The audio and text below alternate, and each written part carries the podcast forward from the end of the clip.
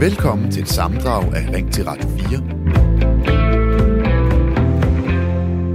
vi i dag taler om, at danske minkavlere igen skal afle mink, for fra næste år genopstår det pelsede erhverv, som Danmark har været storproducent af gennem årtier. Det bliver dog en lille opstart. Indtil videre er der ifølge DR kun 15 avlere, som overvejer at åbne langt de fleste af landets godt 1200 minkavlere. De valgte nemlig at lukke helt ned og tage imod den fulde erstatning, da beslutningen om at slå alle mink ned i Danmark blev truffet for et par år siden.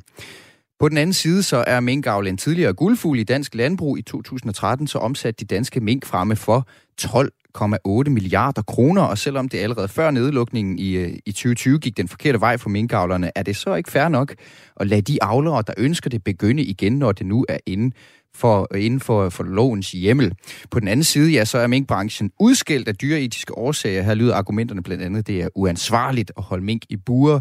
Hele pelsindustrien har også stigende modvind herhjemme, hvor rev- og morhundeproduktionen jo også er forbudt. Så tænker du, nej, hvorfor sætter vi i gang i julene på en forretning, der i 2019 havde et underskud på ca. 700.000 kroner, og som mange alligevel mener er grusom? Taler om mink i dagens program, og jeg vil gerne høre fra dig. Vi debatterer ikke sundhedsrisici og corona, men derimod, hvorvidt det her værv er forsvarligt eller ej. Marianne, hun skriver, at det kan stadigvæk diskuteres om, hvordan minkerhverv var lagt ned, men det skal genåbnes igen. Danmark er kendt for dyrevelfærd. Lad os holde fast i det. Så skriver Pernille, det skal ikke startes op igen. At minkerhvervet blev lukket ned, var noget af det bedste, der skete under corona. Det er et modbydeligt erhverv og burde have været lukket for årtier siden.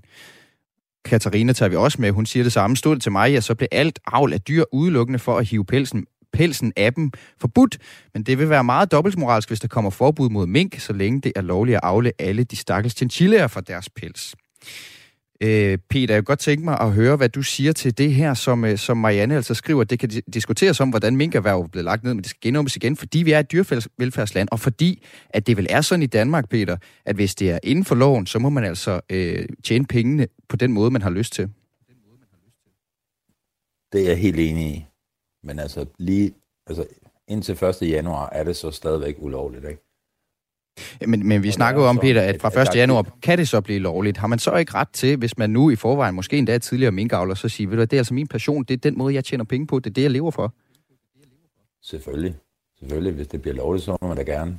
Men altså, nu skal man også lige huske på, at skatteyderne i Danmark har betalt 22 milliarder for at få lukket det her erhverv. De har, de har ikke betalt for to års pause. Det er mange penge, vi snakker om. Altså, det er mere end alle vacciner mod corona kostede til sammen. Ikke? Det er altså en ret, altså 22 milliarder kostede det her i erstatning til minkavlerne. At det var, man betalte for at lukke branchen, men betalte ikke for to års pause. Så det, det er lidt for mange penge for det, og hvis det bare kører videre efter to år. Og Ole Blikfeldt, du øh, ringer fra Midtjylland. Du mener altså, at det er fint at genoptage erhvervet. Øh, hvorfor mener du det?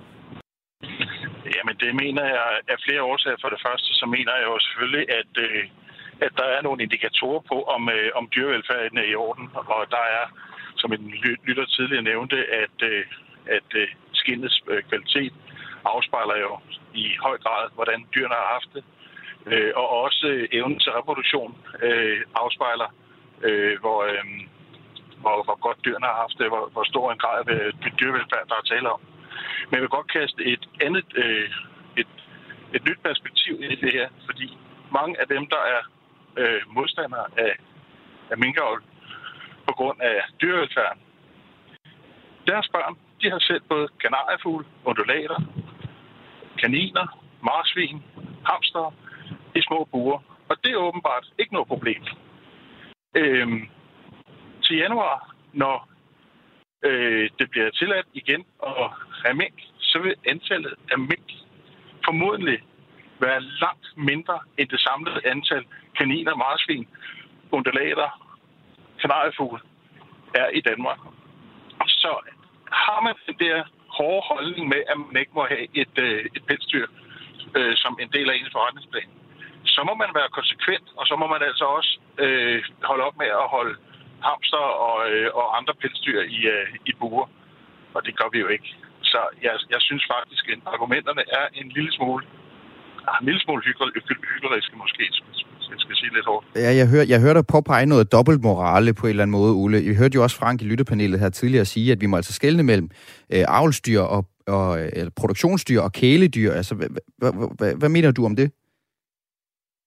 Jamen, jeg mener jo ikke, at, man, at, at dyret skal have et, en anden velfærd ud fra, hvad status det har. Altså, hvis man ikke vil have øh, dyr i buer, så øh, er det jo lige meget, om det er et avlsdyr, et produktionsdyr, eller om det er et kæledyr. Fordi fakta er, at en kanin lever i et kaninbur 99 procent af sin tid. Den sidste øh, 1 procent, der bliver der nusset og pusset med det. Øh, så, så jeg synes bare, at der er simpelthen en dobbeltmoral mod, mod, mod, øh, øh, mod minkeværet fra, fra flere af de her mennesker, som, som er imod mink, minkproduktionens genopstarten.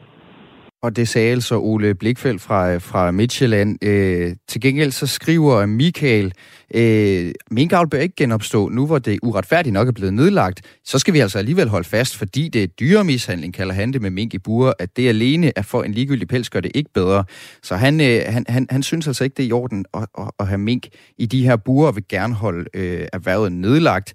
Øh, så er der en, der skriver helt enig med Peter. Minkindustrien har været meget dyr at lukke ned og bør forblive lukket og aldrig opstartes i Danmark igen. Det er skadeligt for miljø, og dyr er dyretisk en forfærdelig form for dyreopdræt. Og nu kunne jeg godt tænke mig at, øh, og, øh, og, og, og høre fra en af de øh, øh, fra en af dem, som taler øh, danske minkavlere sag. Øh, det er nemlig sådan, at en række af de minkavlere, der gerne vil starte op igen, de har organiseret sig i foreningen Danske Mink, der har kæmpet for at få minkerhvervet på benene igen. Og nu skal jeg sige velkommen til dig, Anders Mortensgaard, talsperson for Danske Mink. Hej. Anders, øh, de danske minkavlere, de har jo fået lov til at komme i gang igen fra årsskiftet. Hvor optimistiske er I i danske mink for erhvervet i Danmark fremover? Jamen, vi, øh, vi er optimistiske. Øh, der er ingen tvivl om, at det bliver øh, sværere, end det var før. Men øh, grundlæggende er vi optimistiske. Og hvordan, hvordan ser du, det bliver sværere, end det var før? Jamen, det er jo, som der er sagt før. Øh, regeringen har jo, har jo nedlagt øh, branchen, mere eller mindre. Øh, så det handler om, at vi skal starte op på ny. Ja, hvor, hvor stor en opgave er det så for jer, Anders, at komme i gang igen, altså for det her på benene? Nu ved jeg ikke, om du har lyttet til programmet, men der er jo også nogen, som mener, at det ikke skal gå i gang igen. At altså, vi simpelthen skal holde lukket for minkavl i Danmark. Jamen, jeg synes, det er en, øh, en mærkelig timing at have den diskussion. Øh, hvis man vil have et øh, forbud mod minkavl, så må man jo øh, lovgive sig ud af det. Øh, der er meget følelser og ikke ret meget fakta i den her diskussion. Øh, så ja, det er sådan set min holdning til det. Ja, og hvor mange, hvor mange avler, Anders, og det er jo sådan med, med, med dyr, der tit også, tit også er en diskussion om, om, føle, om følelser. Hvor mange avlere håber I på i Danske Mink vil starte op igen? Jamen, det ved jeg ikke. Så mange som muligt. Øh, vi mener, vi har et godt erhverv. Og, og vil alligevel slag på tasken, hvis, hvis, du, hvis du nu er optimistisk? Jamen, jeg har ikke noget øh, bud på et uh, præcist antal, hvor mange der starter op. Uh, det afhænger også af, hvad der kommer til at foregå uh, fremadrettet, med hvordan økonomien uh, ser ud, og hvad, hvad mulighederne er. Så det er utroligt svært at sætte tal på. Så er der jo en, en lang række lande, som Danmark normalt sammenligner sig med, som allerede har forbudt øh, minkavl, eller som ved udfase industrien. Det er øh, for eksempel Norge, Tyskland, Østrig, Holland og Belgien, øh, Frankrig og Spanien, altså andre europæiske lande, øh, sågar vores nabo i Norge øh, og i Tyskland. Alligevel så mener du ikke, at tiden for minkavl er forbi. Hvorfor gør du ikke det? Det er jo fordi, jeg synes, øh, vi har et fremragende produkt. Øh, det er bæredygtige produkter. Altså hvis du kigger på tøjindustrien, øh, hvor meget den sviner og generelt med den der brug og smid væk øh, kultur, det har vi jo ikke med en pels. En pels er jo noget, der holder i generationer. Øh, og når pelsen er færdig med at blive brugt, jamen, så kan du grave den ned i haven, og så forsvinder den. Vi, vi hørte tidligere i programmet direktøren øh, i, øh, i Dyrenes Beskyttelse, Britta Ries, hun sagde, at, at det er dårlig dyrevelfærd at holde mink. Øh, blandt andet fordi mink det er altså et rovdyr, der i naturen lever i store områder, og fordi at deres natur det bare er at leve alene, ikke i små buer tæt på hinanden. Hvilke tanker øh, gør jeg i danske mink om dyrevelfærd, når avlerne skal starte op igen? Er det en debat, I har? Jamen, det er jo altid en debat, man har. Man vil jo have, gerne have, at dyrene har det så godt som muligt. Øh, altså, det er jo ikke øh, onde mennesker, der går og holder mink. Det er, det er jo folk, der godt kan lide dyr. Øh, og vi skal bare huske, øh, der bliver ved med at blive snakket om det vilde dyr. Det er altså dyr, der er fremavlet igennem øh, 90 generationer, hvis du regner mink. Øh, så det er et domesticeret dyr, og flere øh, dyrevelfærdsorganisationer er også begyndt selv når de regner på tingene, faktisk at kalde det for et domesticeret dyr. Så det, det er produktionsdyr, ligesom øh, køer og grise og alt muligt andet, som vi har øh, draget ind i vores landbrug øh, som et produktionsdyr. Det er ikke et lille vildt dyr. Øh, ja. Så det, det er en forfejlet diskussion, den der. Og hvad, og hvad er der sket på området sådan de seneste 20-30 år? Altså er der sket en udvikling, hvis vi nu fraregner de seneste to år, som selvfølgelig har været ret specielle. Øh, hvordan altså, har det så set ud med, med dyrevelfærden? Altså, øh, hvordan har den udviklet sig? For, på minkområdet selvfølgelig her, øh, Anders Mortensgaard. Jamen altså, det, det, den har udviklet sig meget, øh, og man har forsket rigtig meget på det, og vi har været førende i Danmark inden for forskning af dyrevelfærd. Øh, der stilles krav til, til berigelser, altså øh, ting, der kan aktivere dyrene, og, og ting, de kan lave. Der skal være hylde i burene, der skal være noget legetøj, og der skal være øh, halm på deres stadekasse. Øhm, og altså, der er mange, der snakker om vand og dit og dat. Øh, der er ikke noget forskning, der viser, at det er bedre for minken at have adgang til vand. En mink vil gerne være i nærheden af vand, fordi det er et sted, hvor den kan søge føde. Det er ikke, et, øh, fordi den elsker at bade. Det kan godt være, at den synes, det er sjovt at bade, men der har man så andre berigelser. Øhm, og sådan nogle, altså, der er mange ting, hvor folk har følelser og holdninger, men der, det er ikke baseret på fakta. Anders Mortensgaard, øh, talsperson for Danske Mink, tak fordi du var med. Jeg kunne godt tænke mig lige at spille den her, øh, de her ord over forbi øh, dig, Frank, som jo sidder i, i øh, lytterpanelet. Hvad siger du om, øh, hvad, hvad siger du til de her ord fra, fra Anders Mortensgaard? Øhm, jamen, det er et produktionsdyr. Det har han fuldstændig ret i. Og, og som, som jeg har sagt før, jeg vil sige det igen, vi kan ikke sige, at noget skal være forbudt at producere i Danmark, men det må godt være lovligt at bruge det. Altså, det er jo, det er jo, det er jo samme som at sige, jamen, vi vil ikke udlede CO2, men vi vil godt have masser af strøm produceret på kulkraftværker i Polen. Altså, enten så forbyder du det, og så er det hele værdikæden, du forbyder, eller så skal det være tilladt, og så er det hele værdikæden, der er tilladt. Den sender lige omkring øh, dig, Peter. Altså, øh, man, man, må, man må simpelthen øh, øh, tro de ren røv for at sige det lige ud her. Altså, enten så skal man bare sige hårdt nej, eller også så mener man ja. Øh, har, har, har Frank ikke en pointe i det, Peter? Ej, jeg synes ikke, det er helt så enkelt. Og jo så vil jeg helst ikke beskyldes for hyggeleri, fordi jeg kan altså heller ikke drømme om at have hverken kaniner eller, eller øh, hamster i et bur. Det vil jeg heller ikke selv bryde mig om, så, så der er jeg ret konsekvent. Øhm, jeg mener ikke, mink er et domesticeret dyr. Altså, du kunne bare høre de der vin, der kom fra dem. Altså, legetøj, altså. Nej, altså man kan det, det, og det er rigtigt nok, vi har andre dyr, som også bliver holdt, men dem spiser vi trods alt. Det er altså sådan noget, altså, det er, altså der, ja, ægproduktion. Vi spiser æg, og vi spiser kød. Det har vi dog trods alt brug for, for at overleve. Men altså minkpelse, det er altså ikke noget, som er et krav for, at menneskeheden kan overleve.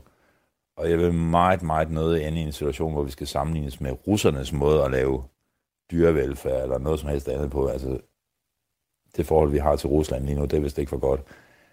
Hvis, hvis minkproduktionen så er i Rusland og i Kina, som er de andre to store lande, ikke? Danmark havde cirka 40 procent af verdens minkproduktion. Men hvis det så ligger i Rusland og Kina, jamen så siger det jo bare noget om de to lande. Øhm, og dem vil jeg faktisk nødt sammenlignes med på det grundlag det er ikke et selskab, du har lyst til at være i. Du nævnte lige, hvordan de piver. Nej. Jeg, vil lige prøve, jeg vil lige prøve at spille det for dig igen, Peter. Øhm, det lyder sådan her, altså øh, med den her pipende lyd. Øhm, ved du noget om, Peter, om det, her, om det her er en mink, du hører, som har det godt, eller som har det dårligt? jeg tænker bare på, at... Nej, det altså, må jeg så indrømme. Ja. Det må jeg så indrømme. Det kan også godt være et paringskrig, det ved jeg ikke en pind om. Altså, men, men, men jeg, synes ikke, jeg synes ikke, det lyder som et dyr, der har det godt. Men, men, det, men det, det er rigtigt nok, det har jeg ikke forstand på.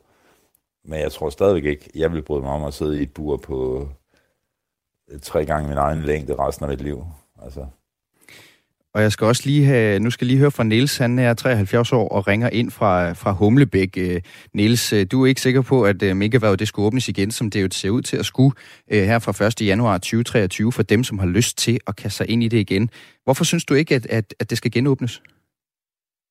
Fordi at øh, vi har jo gudskelov på mange områder jo udviklet os og fået syn for øh, tilværelsen øh, på måske en anden måde, man havde i 1400- og 1700-tallet, eller som de har i Kina eller i, i andre lande, øh, hvor jeg synes mange af dem, øh, de har altså en opfattelse af, hvordan at man kan behandle dyr i buer, både hunde og katte, og jeg ved ikke hvad, de bare flår nærmest øh, næsten levende. Det, det, det, det er meget, meget sygt at se på, og, og sådan nogle tilstande bryder mig ikke om, at, øh, at vi har i Danmark, og, og, og, og det der med, at man har mink, som man avler, øh, ikke fordi man elsker dyr, men fordi at man skal tjene nogle penge øh, på de der skind, man kan sælge. Øh, det, det, det synes jeg bare er meget... Øh, øh, uetisk på en eller anden måde, at, øh, at i det hele taget behandle dyr på den måde. Jeg bryder mig ikke om øh, dyr, der går i buer ind i zoologisk have, øh, men det er så en helt anden snak. Men, øh, men øh, vi, vi må altså udvikle os øh, på en måde, sådan så vi... Øh, for forståelse for, at vi er ikke guder, vi er bare mennesker på den her jord, og vi skal være her, og vi skal opføre os ordentligt, mens vi er her. Og nu er der altså mange andre måder at klæde sig på, end at, end at møve sig ned i noget pels øh, kan man sige, øh, om ikke andet, hvis man endelig vil have pels, så kan man jo bruge de kohuder, man river af køerne. Når man slagter dem, så kan folk jo rende rundt med det, hvis de synes, at det er nødvendigt for at holde varmen. Øh, men øh, altså, Niels, nu, nu, nu siger du det her med, at du, at du synes, det er en, en underlig måde at holde dyr på. Altså, jeg ved ikke, om jeg er den eneste, der tænker på det, men dengang, at de her minkavler, de skulle nedlægge deres erhverv, der så en fotoreportage ude fra, fra, fra, fra en minkavler. Øh, og det var altså, det var altså en, en forpint øh, minkavler, vi så der. Er det ikke bare dig, som har en eller anden idé om, hvad er kærlighed til dyr? Altså, kan man ikke også godt øh, være være landmand eller minkavler i det her tilfælde, og faktisk sætte pris på sine dyr, selvom at man avler dem? Det ved jeg ikke, fordi nu er jeg jo ikke minkavler, så jeg ved ikke, øh, jeg, jeg har ikke overtaget et, øh, et, et erhverv fra, fra min far eller fra min oldefar eller noget. Altså, men jeg tror, der er jo, altså folk vender sig jo til alt muligt.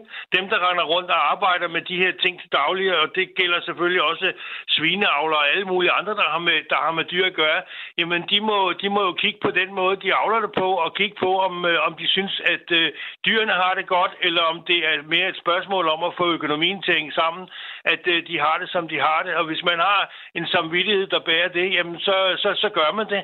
Men jeg kunne ikke. Altså, jeg vil ikke øh, kunne, øh, kunne have, have dyr på den måde der, og, og, og behandle dem på den måde. Altså, øh, så må jeg skulle finde noget andet at lave. Så må jeg skulle køre taxa, eller beskære træer, eller jeg ved ikke, hvad man ellers kunne, kunne foretage sig, men, men, øh, men altså, jeg synes bare, at vi bliver nødt til at indse, at vi lever i 2022, og derfor så, øh, så har vi jo pligt til, synes jeg, også som mennesker, og, og udvikle os i en, en fornuftig retning, hvor vi ikke bare gør det, som vi plejer at gøre, men måske gør tingene, og hvis vi skal gøre det, så gør det på en human og en ordentlig øh, forsvarlig måde, sådan så vi alle sammen kan holde ud både og have med det at gøre, men også at se på det, når det foregår. Og det, det er jo det, der er problemet med nogle af de her øh, besætninger, kan man sige, hvor man har øh, millioner af dyr rundt i sådan nogle små buer. Det, det, det, det, det er sgu ikke godt. Altså, det, det, det er det bare ikke lige meget, hvordan man vender og drejer den historie. Og sådan var ordene altså fra uh, Nils, som kommer fra Humlebæk. Du lytter til Radio 4 hvor vi i dag taler om en uh, sprogvejledning, som for nylig er blevet sendt ud til alle ansatte i Københavns Kommune. Kommunikationsvejledningen her, den handler om kønsinkluderende sprogbrug, og formålet med den er at skabe en mere inkluderende tone i den enkelte borgers møde med det offentlige. Derfor kan det for eksempel være, at post fra kommunen ikke længere antager, at du er en mand, fordi du hedder Flemming, eller at du er en kvinde, fordi du hedder Begitte. Professor i filosofi og ledelse på CBS, Bent Meyer Sørensen, han mener, Københavns Kommune er gået galt i byen med den her kommunikationsvejledning. Det er ikke det offentlige opgave at gå op i borgernes forskellighed, siger han blandt andet til Radio 4 Morgen. Jeg er i mindre grad overbevist om, at måden at inkludere øh, og undgå at krænke øh, borgerne, der er mindre grad overbevist om, at det er ved at lave den her slags øh, øh, politikker. Der ligger en, en pligt hos os som borgere at gøre offentlige instanser opmærksom på, hvis vi har en situation, som, som, som der, der skal tages, øh, der, som vi gerne vil have, der bliver taget hensyn til. I stedet for så er det altså den enkelte borgers eget ansvar at gøre de offentlige institutioner opmærksom på, hvis man for eksempel foretrækker et andet pronomen end det gængse. Det er det, Ring til Radio 4 handler om i dag er det helt på sin plads med et mere kønsneutralt sprog i offentligheden, så vi bliver bedre til at tage hensyn til minoriteter og hinanden i det hele taget? Eller at den her sprogvejledning til Københavns Kommune udtryk for et overdrevet hensyn til et mindretal af befolkningen. Anne-Marie fra Korsør, hun skriver, jeg er mor til et transkønnet barn. en ung mand, som er født pige, og jeg mener ikke, at denne regel er nødvendig. Min søn har et dejligt liv uden denne kønsneutralitet, og han er trods alt 27 år. Så skriver Bente fra Oksbøl. Nej, Bente Oksbøl, undskyld, hedder hun. Jeg synes, vi konstant skal rette ind efter minoriteter og personer, der føler sig krænket. Jeg gør mig meget umage med at leve op til alle de sproglige ændringer med mere, og det er nogenlunde, det er ikke let. Så jeg synes, det vil være rart, om der også bliver taget hensyn til mig og dem, der har det som jeg. Med en opfordring til at forsøge sig med nye ord og tiltaleformer er nu altid i orden. Så skriver Tina, godmorgen, hvad så med alle de forældre, der gerne vil kaldes for mor og far? Det er fint med hensyntagen, men bliver det ikke bare 98 procent, der skal sige, jeg vil gerne kaldes mor og far, og 2 procent, der får det, som de vil have det med venlig hilsen, Tina? Der er som sagt øh, godt gang i debatten. Du kan deltage ved at sende sms ind til 1424 eller ringe til mig på 72 30 44 44. Og nu, øh, nu skal jeg høre fra øh, Marianne fra, på 45 år fra Nordsjælland. Hun synes, vi lever i et hensynsløst samfund. Vi skal blive bedre til, til, til, at, til at respektere hinandens ønsker. Er det rigtigt forstået, Marianne? Ja, det er rigtigt forstået. Jeg er fuldstændig enig med ham der, der du havde med tidligere. Så, ja, Søren Juliusen. Jeg, ja, jeg kan bare simpelthen ikke forstå. Jeg tilhører selv minoritetsgruppen. Ikke øh, på den, altså, jeg er muslim, og jeg er udlændinge. Jeg kan ikke forstå, hvorfor altid øh, vi, vi opfattes, som om vi vil have færre behandling. Og hvordan kan vi udlægge andres liv på den måde? Øh, stadigvæk dem, der er imod øh, det, de lever stadigvæk deres liv, som det passer dem. Vi skal bare respektere hinanden, acceptere hinanden. Men synes du, Marianne, synes du det er at, at ødelægge folks liv, altså at man bliver mødt med et forkert pronomen? Er det ikke også at blæse det lidt op? Nej, men, men jeg kunne høre for eksempel ham, du har, Kasper, i lyttepanelet. Han hisser sig op over det. Der er der ingen grund til det. Altså, jeg forstår bare ikke, hvorfor vi skal bruge så meget energi på det. Tak for det, Marianne. Jeg lukker lige dig ned, fordi jeg skal sende den omkring Kasper, øh, som skal have lov til at svare på tiltale. Ja. Kasper, der bliver sagt for Marianne her, du hisser dig op over det. Hvorfor gør du egentlig det? Det, jeg vil ikke sige, at jeg hisser mig op, men jeg vil sige, at jeg lægger meget klart på, at jeg synes, at det er, at det er, noget mærkeligt, det er en mærkelig tendens, vi har her til, nu til dag, at vi skal lægge ansvaret over til andre, hvordan vi går på tiltagelse, eller hvordan vi går hvad der, hvad der tales til, og altså, det er jo ikke andres ansvar at finde ud af det, det er jo dit ansvar. Og jeg kan ikke forstå, hvorfor man siger, at man er bange. Hvad er det, I andre er bange for?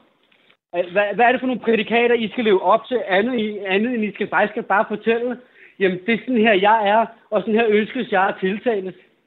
Det samme gør jeg der, hvis der er en, der kommer til mig og, snak, og ikke snakker pænt til mig, så beder der personen om, hey, hvis du skal snakke til mig, så skal du snakke pænt. Det er da mit ansvar. Men, men jeg, jeg kan ikke lade være med at tænke på, Kasper, hvor tit oplever du det her? Fordi du er jo, jeg, jeg er med på, at du har nogle andre øh, hvad kan man sige, øh, oplevelser i mødet med det offentlige, men i forhold til det her med, prøv at tænk, hvis du nu var en, hvis nu var en kvinde, og folk antog helt, eller oplevede, følte du simpelthen, at du var en ja. kvinde, og du identificerede dig selv som kvinde, og folk de hele tiden kaldte dig en mand. Ja. Vil du ikke godt kunne se, at i længden, ikke den ene gang, heller ikke jo, den anden gang, heller ikke den tredje gang, så vil det simpelthen blive, blive trættende, ja? Ja, ja, men jeg kan da godt forstå, at det er trættende. Jeg kan da godt forstå, at det, at, at det er trættende for en, for en, der måske er transkøn, eller føler sig som et andet køn, som hvad der er, eller et eller andet, eller man er homoseksuel. Jeg kan da godt forstå, at det kan være trættende. Men det er der altså også rigtig mange andre ting for os andre. Og sådan er livet. Det, det er sgu ikke alt, der er sjovt. Vi alle sammen møder ikke helt til godhed. Også selvom vi, hvad der, jeg er heteroseksuel, så er det sgu ikke altid, at jeg bare, hvad der, jeg bare kan hvad der, få det enten som jeg vil, eller hvad der, eller hvad der, folk snakker til mig, som, som jeg egentlig ønsker for. Jeg har det bedst med det. Og sådan er verden. Verden er ikke, er ikke et nemt sted at leve. Altså, og det der med at sige, om det er fordi folk de er bange for, hvad der får for ændringer, det har intet med, med hvad der med frygt at gøre for ændringer. Det har noget at gøre med, at vi skal lade være, vi skal lade være med at ændre på ting, hvor det er, at det faktisk ikke er nødvendigt, fordi det, det her, det handler om, at der er, hvad, der, der er nogle mennesker, der, hvad der, der bare mener, at hvad der, det ikke er deres ansvar det her, det hele om det her, det handler jo kun om, hvad der, hvem har ansvaret for, hvad der at kunne sige det rigtige til personerne. Og det har, og det har man jo kun selv. Hvordan skal nogen som helst nogen vide, om du vil kaldes for far, eller om du vil kaldes for mor, om du vil kaldes for hende, ham, øh, hende? Det kan ingen vide, uanset hvad, før Kasper, du selv kommer jeg- og siger det. Det vil sige, sådan en håndbog, den giver ingen mening. Ja, jeg stopper lige, Kasper, Ja, for jeg skal lige, sætte den, jeg skal lige sætte den omkring Sine også. Øh, Sine, Kasper siger her, sådan en håndbog der, den giver ingen mening, og måske er den i, i virkeligheden bare med til at, at føre ekstra byråkrati på mødet med det offentlige, hvor at jeg ved, at mange i forvejen har en følelse af, at det kan være lidt en tung dans at tage, altså i mødet med det offentlige. Har han ret i, at, at, at det simpelthen bare er, er mere bøvl, simpelthen, at det medfører ekstra, ekstra bøvl for, for, for et, et, hvad kan man sige, et meget, meget lille del af befolkningen, må vi jo bare sige. Øhm, det tror jeg på ingen måde, at det gør. Øhm, fordi, som sagt, det er jo en vejledning, og der er mange mennesker, som der ikke har det her tæt på livet, øhm, som simpelthen ikke ved, hvordan man skal gå til det. Så det her med, nu kan de læse, jamen, sådan her kan jeg faktisk tage hensyn til den her målgruppe, øh, synes jeg er super brugbart. Øhm, og jeg tror lidt, som vi har snakket om øh, før, og Søren han også sagde det, han ringede ind det der med frygten i samfundet. Folk er er bange for, for det ukendte. Og det er jo sådan noget, jeg sidder og, og studerer hver eneste dag.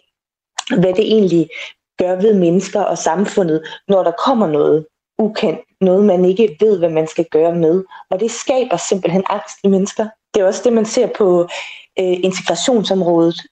Det der med, man, man ikke helt ved, hvorfor har de det på den her måde. Jeg kan ikke helt sætte mig ind i det.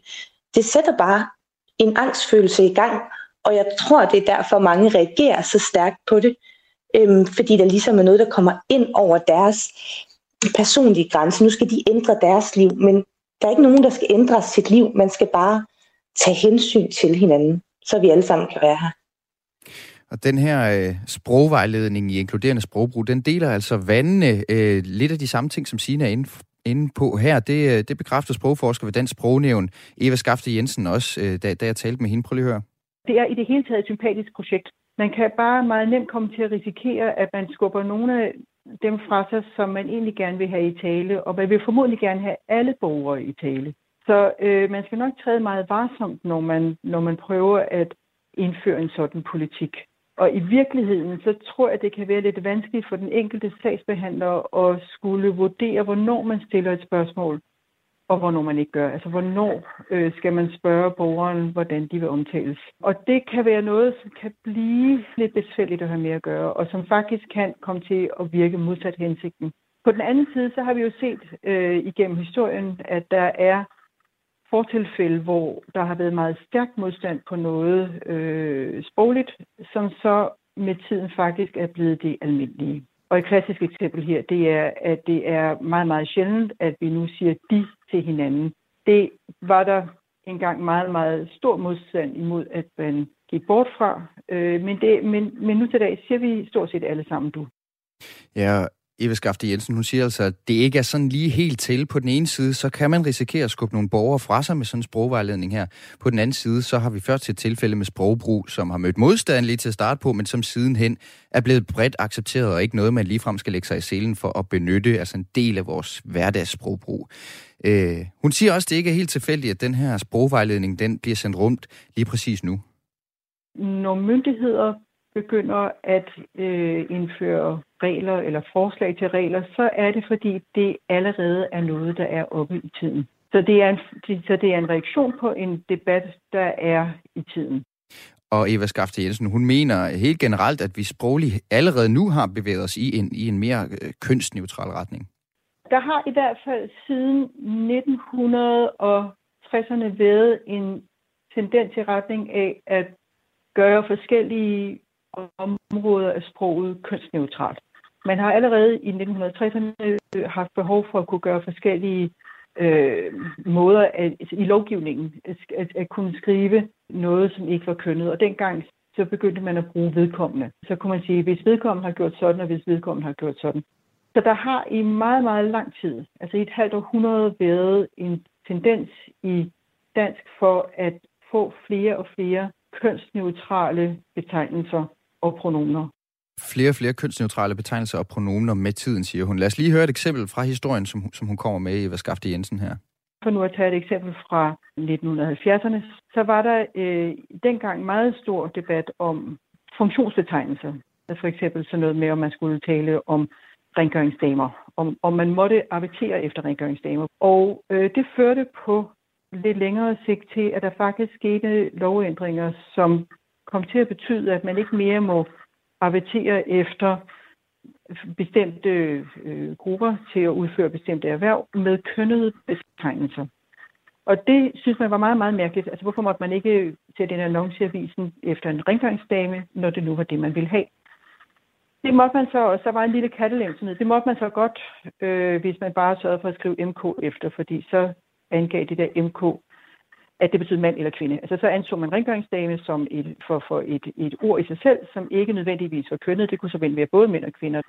Men på længere sigt er det jo faktisk blevet sådan, at det, man ser stort set ikke nogen steder annoncer for rengøringsdamer eller vaskekoner, som det hed også i lidt ældre tid.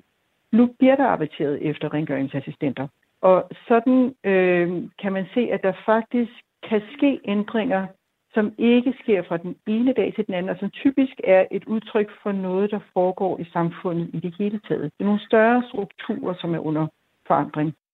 Men selvom ændringerne, ændringerne i vores sprogbrug møder øh, modstand fra politikere, som vi har hørt meningsdanner på Twitter, også en del af på sms'en, Kasper i lytterpanelet, så er det faktisk i sidste ende ikke dem, der kommer til at bestemme over vores sprog, siger øh, Eva Skafte Jensen. Dem, der faktisk kommer til at få betydning for, om der vil ske en ændring, det er den store brede befolkning. Der vil være masser af mennesker, som tænker, ja, men altså, så gør vi det bare det.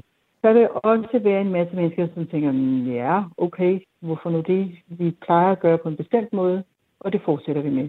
Og øh, det er folk, som ikke nødvendigvis går meget, meget, meget højt op i, om man gør det ene eller det andet. Og det var der flest af. Og derfor så er det også dem, der faktisk kommer til øh, i langt de fleste sammenhænge at være dem, der er udsatsgivende for, om noget faktisk bliver ændret eller ej. Du lytter til Radio 4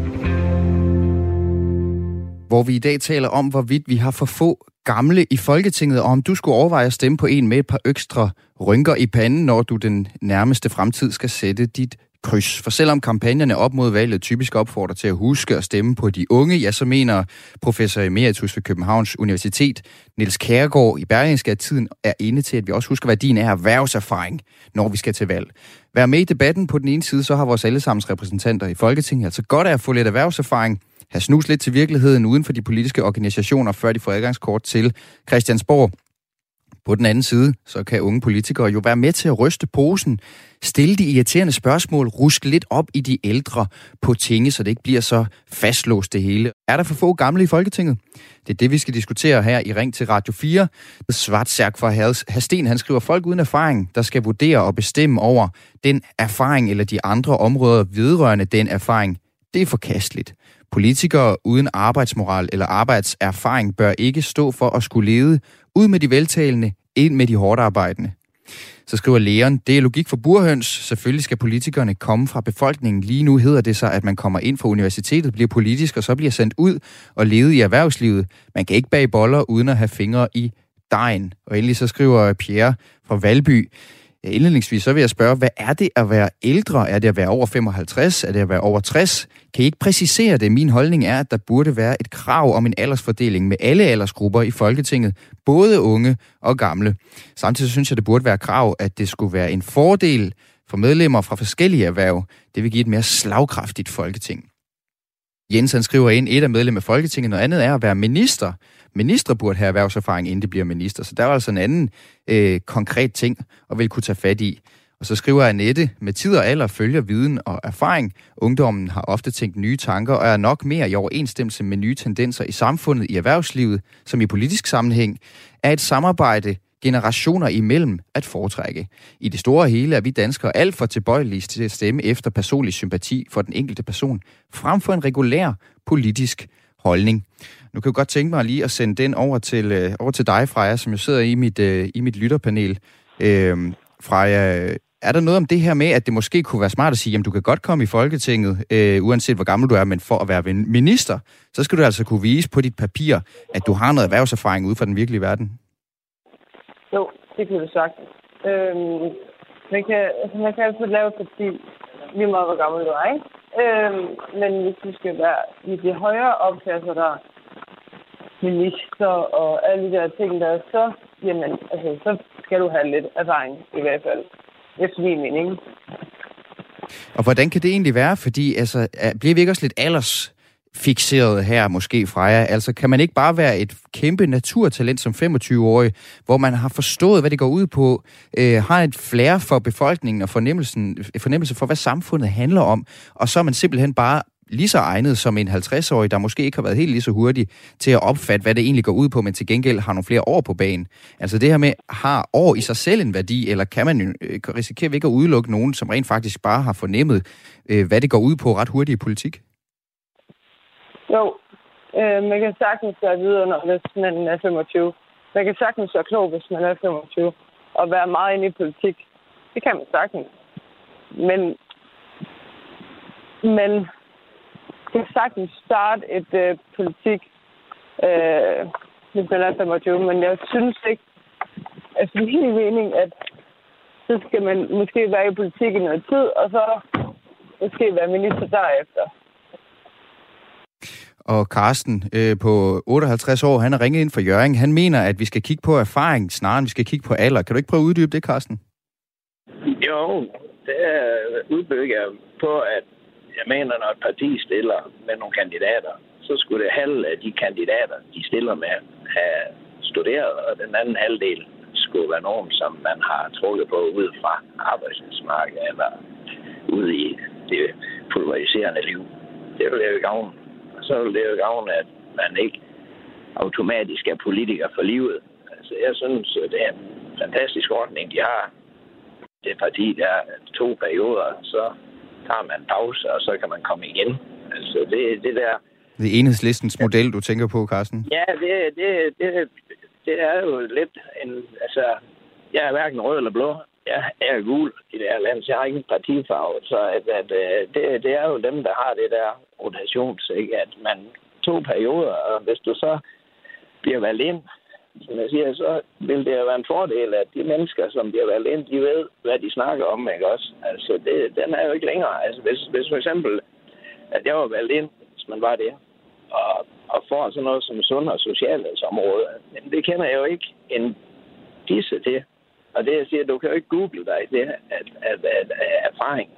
Det, det vil jo være kanon at få nogen ind, som hvis det er forsvar, jamen så er det en, som har været aftjent værnepligt, eller måske har været udsat. Altså en, der ved noget om det. Ikke? Nogle gange så er der nogen, de, de får det område, fordi nej, de skal jo deles ud til nogle af de der områder. Og det, det, er jo, det er jo ikke godt. Altså det kan man jo se mange gange, at nogle af dem, de har jo ikke nogen baggrund til uh, det, som de er blevet minister for. Og det, det er jo sørgeligt og synd. Så bliver det jo dem der embedsmænd, der lægger noget frem, eller hvem der nu får noget igennem. Det bliver jo ikke nedefra. Og det vil jeg gerne have, at man stiller med et halvt hold, der har læst, og et halvt hold, som har været ude og tømmer mur, hvad ved jeg. Carsten, tak for øh, pointen her, og tak fordi du ringede ind til Ring til Radio 4 på 72 30 44 44. Jeg skal lige sende den over forbi, øh, over forbi øh, dig, Ulrik. er der noget i, i at jo. de politiske partier simpelthen imellem skal finde ud af at sige, vi laver et 50-50-skæld. Den ene, de skal have uddannelseserfaring, eller den korrekte, den rigtige, den velegnede uddannelse til at sidde i Folketinget. Den anden halvdel, de skal altså komme ud fra det, vi kalder virkeligheden, eller det virkelige Danmark. Øhm, altså, øhm, jeg synes bare, det er forkert. Altså, et eller andet sted. Altså, det synes jeg sgu bare, det er. Fordi hvis man har viljen, og man har øh, nogle et tanker omkring, hvordan et samfund skal være, så synes jeg, at man skal prøve dem af. Og så hov, og der var lige øh, to unge for meget, eller to gamle for meget i Folketinget, så var det bare ærgerligt. Så kan du stille op i køen og vente. Det synes jeg, øh, det synes jeg ikke er vejen frem. Hvad, så, hvad, med øhm. den her, hvad med den her ordning, som de jo har i enhedslisten, når du siger to valgperioder, så skal, du, så skal du så lige ud og lukke til virkeligheden igen, før du kan komme ind igen, hvis du vil? Mm. Ja, jo. jeg synes egentlig, det er fint nok, at de har det som, øh, som slags, øh, øh, hvad skal man sige, øh, tilbud på hylden som parti.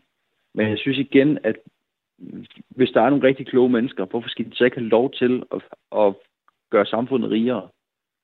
Det vil være lidt ligesom, øh, at vi stiller kun med, vi stiller kun med A-landsholdet hver anden gang, vi spiller fodboldkamp. Altså det er sådan lidt, øh, sådan ser jeg på det lidt. Så det er måske ikke helt så simpelt et regnestykke, det her. Det er svært at regne ud, og det er også derfor, vi snakker om det i dag. Og det, vi snakker om, er altså, er der for få gamle i Folketinget? Ring ind og diskuter, øh, bidrag til diskussionen her i Ring til Radio 4. Ring ind på 72 30 44 44. Nummeret er 72 30 44 44. Du kan også sende sms til 14 24.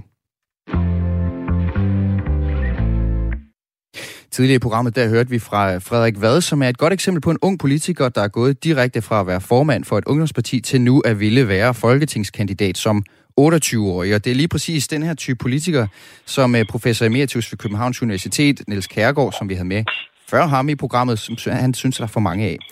Nu vil jeg gerne øh, byde velkommen til en med masser af erfaring øh, fra Christiansborg, nemlig dig, Pia Kærsgaard, værdiordfører for Dansk Folkeparti. Tak. Pia Kærsgaard, du er enig med Niels Kærgaard i, at der mangler ældre i Folketinget? Ja, det må jeg sige. Altså, hvis jeg skal svare meget enkelt, så, må, så er svaret ja. og, og jeg har jo som sagt været der, som du selv siger, så mange år, og jeg har set den udvikling, der har fundet sted, øh, som gør, at øh, folk bliver yngre og yngre og yngre. Nu det var det en på, hvad var han, 28? Det er jo, det er jo lige ved at være halvgammelt efterhånden derinde. men, men man går helt ned, altså der er folk, der lige er fyldt 18, der er blevet valgt. Øh, der er folk på 2021. Og der, hvor jeg sådan er lidt Altså, jeg synes egentlig, at det skal være lidt nuanceret, fordi det der med, som jeg lige hørte, at der var en, der mente, at øh, hvis man var håndværker, så skulle man ind, fordi så skulle man måske sidde i erhvervsudvalget eller et andet sted, eller sygeplejerske, så i sundhedsudvalget, det er jeg ikke enig i overhovedet. Hvorfor ikke det? Øhm, fordi, nej, fordi man må, øh, man må skaffe sig den viden øh, som, og den interesse, vil jeg sige, når man kommer derind øh, for det, man brænder for. Der mener jeg ikke, man skal være øh, sådan faguddannet. Det er godt, at der er nogen, og det, jeg gerne vil tilbage til, det er, at det skal være mere bredt repræsenteret, end det er i dag. Fordi det er rigtigt nok, at, øh, at vi mangler nogen med lidt år på bagen med, med meget stor erfaring. Og der er mange øh, nu, altså fuld honør for Frederik Vade. Jeg tror, han er en rigtig god mand. Men det er også ret typisk det der med, at man har været i ungdomsorganisationen. Så bliver man selvfølgelig interesseret i politik, og det er jo rigtig, rigtig godt. Øh, og så ønsker man at opstille som folketingskandidat, og så bliver man valgt. Øh, man, skal måske, man skal måske lige samtidig hvis man gør det, og det er jo godt, hvis man gør det, gør sin uddannelse på universitetet færdig, øhm, og, og lige pludselig så sidder man sørme i Folketinget. Og det, det er altså modstander af. Nu, det nu, nu er det ikke mange punkter, øh, Pia Kærsgaard, hvor, hvor du øh, ligger, hvad kan man sige, i lige linje med enhedslisten, men ja, på en eller anden måde kunne jeg måske forestille mig, at du faktisk synes, det godt kunne være en meget fin idé med det her med to øh, opstillingsperioder inden Folketinget, og så skal du lige ud og lukke til virkeligheden, før du kan komme ind igen, for altså at bygge bro mellem Folketinget og så det Danmark, der ligger uden for Folketinget, eller hvad? Det er jeg ikke enig i, fordi øh, igen, så har vi noget, der er meget, meget vigtigt, og det er vælgerne. Og det er jo op til vælgerne at beslutte, hvem der skal vælges. Og hvis I er, siger, at den politiker dur ikke mere, eller den politiker har gjort noget, som jeg bestemt ikke bryder mig om, jamen så er der jo det, der skal ske nu her, som om 3-4 uger. altså tager man stilling til det. Øh, det. Nej, det er jeg ikke enig i, fordi det er sådan en partitvang. Altså det er sådan lidt, Altså, det er jo også meget, meget typisk enhedslisten, fordi der er jo rigtig meget socialisme, kommunisme over det der, synes jeg, at det er partiet, der bestemmer, hvem der, hvem der nu lige skal ud og ind. Og, og jeg mener bestemt i sidste omgang, det er vælgerne. Det mener jeg. Og det er jo ikke engang deres øh, øh, medlemmer. Altså fordi, selvfølgelig er det altid partiet på en eller anden måde, men det er jo medlemmerne, der sidder ude i partiforeningerne og bestemmer, hvem der skal, skal opstille. Men sådan er det jo ikke her. Men, altså, det, men det, det, er sigtet til, det er sigtet til, Pia Kærsgaard. Det var måske, om ikke det var en god idé at lave en eller anden ordning, hvor man var sikker på, at der ligesom løbende blev opdateret noget erhvervserfaring. Fordi det hørte jeg jo, jo. sige er en god ting, at man har erhvervserfaring. Kan vi lave nogle andre og stille nogle bestemte krav til og sige, at du skal have optjent x antal år uden for Folketinget, før du kan komme ind eller et eller andet? Kan vi skrue på nogle knapper der? Det er jo igen op til de enkelte partier. Øh, det er ikke noget, man kan gøre centralt. Det mener jeg ikke. Men jeg er fuldstændig enig i, at øh, vi mangler nogen med erhvervserfaring, og, og at Folketinget skal repræsenteres bredere, end det er i dag. Altså, jeg kan helt mange gange sige, da jeg kom ind for mange år siden, der blev jeg gjort nar af, fordi øh, jeg var hjemmehjælper, socioassistent, socio, øh, øh, socio, som det hedder i dag, ikke? Det, det er man da heldigvis gået bort fra. Nu, nu er det jo lige før, at det er en ekstra fjer i hatten, hvis, øh, jeg vil sige specielt arbejderpartierne, kunne finde på, i stedet for alle akademikerne, at få en, en en hjemmehjælper, en socioassistent ind, heldigvis. Men det var ikke passende dengang. Jeg gik så med mange øh, hånende bemærkninger igennem Øh, men det er der heldigvis blevet mere anerkendt i dag, og jeg synes, det er fint, hvis Folketinget bliver bredere Men- repræsenteret, men, men- det er jo op til partierne. Pia Kærsgaard, det er, jo, det, det, er jo, det er jo faktisk knap 40 år siden, at du, øh, at du øh, øh, kom ind øh, til, til Folketinget, og, men du nævner stadigvæk den her erhvervserfaring, du har som, som øh, det, vi så i dag vil kalde soso. Altså, kan du godt blive ved med at trække på den, eller skulle du ikke også ud og trække lidt luft uden for Christiansborg en gang imellem? Jamen ved du hvad, en gang imellem, så siger jeg faktisk, når jeg er ude i debatter, nu kan jeg snart ikke prale længere med, at jeg har været hjemmehjælper, så da du er inde på noget af det rigtige. Fordi nu går jeg jo og praler med det, at jeg faktisk var hjemmehjælper i en 8 år, før jeg kom i Folketinget.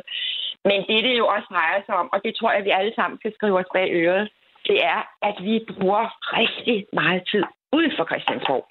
Altså det der med at komme ud og besøge erhvervsvirksomheder, det der med at komme ud og besøge en, en, øh, en erhvervsskole, en, en socioskole, altså alle de der steder, gerne også øh, altså alle steder i samfundet. Det tror jeg, at vi skal holde mere fast i, øh, når vi stadigvæk har vores arbejde på Christiansborg. Og det må jeg så sige, øh, sådan lidt ros til mig selv, at det har jeg i hvert fald gjort alle årene. Jeg synes, det er underligt at komme ud og, og snakke med folk og høre, hvad foregår derude på din virksomhed, hvad foregår derude på din skole, og så videre. Hvad foregår derude på gardneriet? Altså, det, det tror jeg, at vi skal gøre meget, meget mere ud af. Det- det Øh, og det, det- kan det- vi jo bare skrive os bag øret. Det sidste, jeg lige skal, skal høre dig på, øh, Pia Kærsgaard, det er jo, øh, altså, øh, det, det lyder lidt på dig som om, at det eneste, der betyder noget, om man skal sidde i Folketinget, det er, at man har været ude i virkeligheden og set, hvordan det er derude. Men altså, har det ikke også en fordel at have studeret på universitetet, siddet med næsen i bøgerne, forstået statsapparatet, og så sagt, ved du hvad, jeg vil godt gøre en tjeneste for Danmark, og så gå ind, fordi jeg går op i det, og jeg vil være politiker. Jeg elsker politik og diskutere værdier, og så kende statsapparatet indenfra via sin uddannelse. Helt sikkert. Og det er også derfor, jeg synes, at der skal være plads til alle. Øh, og det er derfor, jeg siger, at det skal være bredere repræsenteret, end det er i dag. Fordi der er for mange fra statsapparatet i dag. Det er det, der er problemet. Der er for mange, der ikke har en, en alderserfaring, øh, øh, altså har været der med, nogle, med, med en del år på bagen. Altså det skal simpelthen være bredere repræsenteret. Jeg ønsker ikke at ekskludere nogen overhovedet. Heller ikke dem, der har gået på universitetet. Dem, dem er der bestemt også brug for øh, i Folketinget. Men vi skal bare passe på, at det ikke bliver sådan et akademikerparadis. Fordi så fjerner vi os rigtig meget fra virkeligheden. Pia Kærsgaard, øh, værdiordfører for Dansk Folkeparti. Tusind tak, fordi du var med. Selv tak. Og god valgkamp. I lige måde. Der er gang i sms'en her. Der er, øh, der er Anne Vibeke, som skriver ind Radio 4. Man kan godt være både gammel og have erhvervserfaring, samtidig med, at man er politisk analfabet, fastlåst og fordomsfuld. I øvrigt så hjælper det altså ikke at se efter rynker i panden efterhånden, som Botox sniger sig ind under huden på mange kendte ansigter. Der er også Kai fra København. Han skriver, jeg er overbevist om, at der vil ske en hel del i Danmark, hvis vi koncentrerer os lidt mere om intelligens og hvordan det mellem ørerne virker. Så spiller alderen ikke så stor en rolle. Og så endelig, så er der også en, der skriver ind, stem erfarne ældre ind. Prøv at høre, folk, der har haft arbejde, har helt anden pontus, en pondus, hedder det, en teoretiker, der blot kommer fra uni, og lever som levebrødspolitikere og aldrig har haft et arbejde. Ældre har nuanceret syn på klimapolitik og er ikke fanatiske klimapropagandører. Vi er lige ved at knække halsen på grund af ung klimafanatisme i disse måneder. Heldigvis har man med erfarne politikere øh, indover genstartet tre kraftværker for at afbøde følgerne af Putins gaskrig. Så der var altså en, en stemme, som siger det her, vi skal have nogle ældre i Folketinget. Der er for få gamle i Folketinget, der skal endnu flere gamle eller ældre i Folketinget. Øh, men Bodil, du er 55 år fra Rødvig. Du mener ikke, at alder betyder noget, så længe man har pli, og man vil samarbejde. Ja. Jeg synes egentlig, alderen øh, synes jeg egentlig ikke gør så meget, hvis man kan opføre sig ordentligt, og at man ikke er smurt ind i det her spænd, øh, som, altså lige nu, jeg er allerede træt. Nu skal vi i gang med en valgkamp. Jeg er allerede træt. De kaster mod og hævder sig selv og på andres bekostning. Og ved, altså jeg er jo, som vælger er jeg jo ikke dum, hvis der står en og siger, øh, jeg vil gerne øh, samarbejde, og vi skal gøre det bedste for Danmark. Men øh, hun eller han har simpelthen, og der var en enkelt paragraf, og der var, altså alt det der øh, fnider ved siden af, det, det, jeg vil bare gerne have nogen med gode manerer. Har du ikke tiltro til, Bodil, at langt de fleste, der trods alt stiller op til Folketinget, i udgangspunktet er samarbejdsvillige? Nej, jeg er overbevist om, at dem, der stiller op ind til Folketinget, jeg er overbevist om, at de fleste, de er der for deres egen, øh, deres eget magtbegær. Og så kommer, når de først er etableret øh, og ryller ind i det her spil, så kører der fuldstændig et andet system, øh, et andet, øh, øh hvad hedder så noget, øh, øh, miljø, hvor, altså, hvad fanden, jeg gider da ikke at høre på, at de kaster mudder. Altså, jeg, jeg tror, at det, det er lukket verden inde på øh, Christiansborg, hvis ikke der kommer nogen, som lige kan få folk ned på jorden igen og sige, altså, hvad handler det her om? Ja, det handler faktisk om Danmark og ikke dig. Men kunne det ikke være en god idé, Bodil, så øh, med det her rotationsprincip, som vi hørte blive bragt på banen tidligere, som enhedslisten har? Altså ligesom, man, ligesom, man, ligesom hvis man, øh, hvis man øh, lige er kommet op og kører i, på skolebænken, og man, og man har brug for lige at blive sat uden for døren og trække vejret, før man kommer tilbage igen. Er det så ikke smart nok, hvis man har været lige lovlig længe på Christiansborg, og så sige, nu skal du ud og trække, trække lidt luft, og så kan du komme tilbage og, tænke, og, og arbejde med det, det handler om herinde, politik. Hvad synes jo, du om det her rotationsprincip? Det synes jeg. Ja, det er et godt princip. Og hvis det stod til mig, så skulle man måske også i døren ved, op til Christiansborg have en uh, personlighedstest. Fordi der, der er faktisk med nogen, der falder igennem, synes jeg. Men samtidig, Bodil, så siger, så siger Pia Kærsgaard jo, det må altså være op til vælgerne at vælge, hvem skal sidde i Folketinget. Ja. Det er ikke noget de enkelte partier. Hvad mener du om det? Hvad mener jeg om det? Selvfølgelig er det vælgerne. Men hvad, hvem er det, vi har at vælge imellem? Altså, og nu, står, nu, nu har Blå Blok et par øh, mænd til at stå der, ikke? Og altså, helt ærligt, nej, ved, ved, altså, det er som om, det er låst på forhånd. Hvis nu jeg gerne vil have, have Hans fra det parti, ej, hvor er god, der vil jeg gerne have. Men de vælger jo, øh, og så er jeg låst af, nå, kan jeg lige de to, eller skal jeg over til Mette Frederiksen? Altså, Bodil, det, det lyder som om, du har, du har en lang øh, valgmåned foran dig her. Jeg håber, du kommer ja, godt igennem den alligevel. Oh, det bliver træls. Ja. Jeg skal lige have sendt, øh, jeg skal lige have sendt øh, bolden omkring uh, lytterpanelet og dig, Ulrik, fordi jeg ved, at du faktisk også går meget op i det her med, at den, du skal stemme på, skal udvise samarbejdsvillighed. Det må være det altafgørende. Ja, helt sikkert. Hvad, altså, fordi, hvad mener du med det? Fordi at, øh, altså, demokrati, altså i hvert fald det danske demokrati, det er jo bygget også sådan op, at hvis man ikke kan samarbejde ind over midten, og det har vi set jamen, øh, i mange, mange år nu, så, så når der kommer en ny regering, så skifter det lige pludselig, og hvis det ved med at skifte frem og tilbage, så bliver man jo helt rundforvirret som borger i samfundet. Hvis der er lige hvis noget, der ikke hedder jobcenter, så er noget, der hedder jobcenter. Øh, og så fremdeles. Øh, og så har du øh, fire års, øh, fire års øh, øh, hvad hedder det der, når du bliver arbejdsløs, øh, dagpengesats, og så har du to års dagpengesats. Derfor så er det vigtigt, at man kan lave nogle kompromiser. Selvom man ikke synes, det er sjovt altid at gå på kompromis med sine holdninger, så bliver man nødt til det, fordi at vi har ikke et diktatur i Danmark, vi har et demokrati, og et demokrati, der snakker man sammen om tingene. Og så har vi ikke, så heller ikke et flertalsdiktatur, øh, hvor, hvor det bare bliver taget, der bestemmer. Fordi så har du en minoritet i befolkningen, der føler sig snydt, og så er det, at der opstår alle mulige skøre ting ude på fløjen.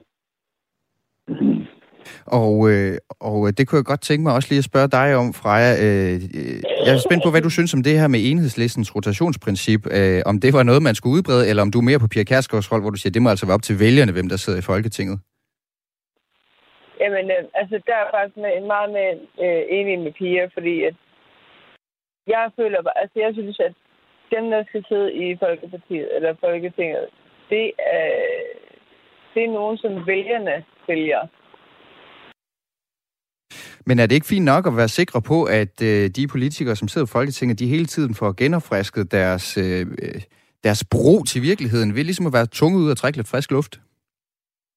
Jo, helt bestemt. De skal ud og opleve verden også, øh, og ikke bare sidde inde på Christiansborg, men jeg synes, altså, det er jo godt, at det får noget, kommer ud og ser virkeligheden. Men jeg synes stadigvæk, det er vælgerne, eller borgere, der skal vælge, hvem der skal sidde og øh, Hans, du er 65 år fra Skørping. Du har et andet øh, bud på et, øh, en ting, man måske skulle skrive ind i regelsættet for, hvad det handler om at være folketingsmedlem. Du mener nemlig, at der mangler ældre i Folketinget, men at man måske skal overveje en eller anden, øh, en eller anden øh, konkret måde at få dem ud igen på. Ja. Ja, hvad er det, hvad er det for en idé, du har? Jamen, det er på det private arbejdsmarked. Der er du ude, når du er 70 år. Og det, og men... det kan man ja. også godt. Det mener jeg også, de skal derinde. Men vi, har vi ikke eksempler på rigtig, rigtig dygtige politikere, øh, som faktisk også, øh, det, det snakken handler om i dag, som har for længst overskrevet de 70 år, som bliver ved med at bidrage til, til Danmark med deres folketingsarbejde? Overhovedet ikke. De sidder der kun for deres løn. De sidder der ikke for andet. Fordi de kan ikke klare sig på en folkepension. Det ved de godt. Men øh, der er jo nogle stykker, sådan en som Bertel Hårder, han har jo meldt ud, at det er altså sidste gang, han stiller op til Folketinget. Det samme med Marianne Hjelved og Henrik Dam Christensen, som øh, statsminister Mette Frederiksen nu alle tre nævnte i, i sin tale i går, ja. og takket for deres arbejde. De, øh, de, de har jo nogle andre pensioner og sådan nogle ting. Altså, tror du ikke, at de er der også, fordi de brænder for politik, øh, selvom at de for længst har rundet 70? Jo, det gjorde de, da de kom ind, men altså nu er det kun taburetten, der, der gælder. De tænker ikke på de almindelige mennesker. Overhovedet ikke. Du kan tage Pia Kjærsgaard. Hvad fanden skal hun sidde derfor? Det kan jeg ikke se. Nu er du jo selv 65 år gammel, øh, Hans. Vil du, ja. have det, vil du føle, at om, om, om, om fem år, så er du altså ikke mere, øh, mere bidrag med, hvis du nu havde tænkt dig at stille op til Folketinget, så, så, så vil du bare i kraft af din alder, ikke i kraft af, hvor du var hen i dit hoved, simpelthen skulle sige, jamen så, så er det altså slut med dig. Ja, fordi sådan, sådan er reglerne. Bliver 67, så får din folkepension færdig, så er vi over det. Ja, de kan jo selvfølgelig, øh, man kan selvfølgelig sige, at de allerede, at de også selv kan, øh, kan bestemme, når man tager sin folkepension, om man har lyst til at arbejde videre. Jeg skal lige høre, jeg skal lige nå at komme, at komme omkring dig, Ulrik. Skal vi lave en regel, der siger, ja. når du runder 70, så er det slut, så er vi sikre på på den måde at få noget friske, friske blod og friske kræfter ind i Folketinget hele tiden? Nej, det synes jeg ikke. Øh, jeg er faktisk rigtig ked af det at høre, at var det Hans... Hans fra Skørping, ja. Ja, Hans fra Skørben. Jeg er rigtig ked af, at Hansen siger, at, at politikerne ikke tænker på samfundet. Øh, jeg, tror, jeg tror, der er mange, der skal kigge lidt ind af, og så kigge på, hvor godt vi har det relativt set, hvordan andre har det rundt omkring i landet. Fordi jeg tror ikke, vi vil have så godt som samfund, hvis det var også politikere bare ravet til sig, som der er nok nogen, der føler, der gør. Og så mange penge er der skulle heller ikke ved at være politikere øh, i Danmark. Øh, altså, Øh, Ulrik, du skal have tak, fordi du var med i dag, og det samme gælder selvfølgelig dig, Freja. jo begge to mine øh, lytterpanelister i dag, så det har været skønt at have jer med og spille bold op af jer. Tak også til alle jer, der har lyttet med og skrevet og ringet ind og bidraget til debatten i dag.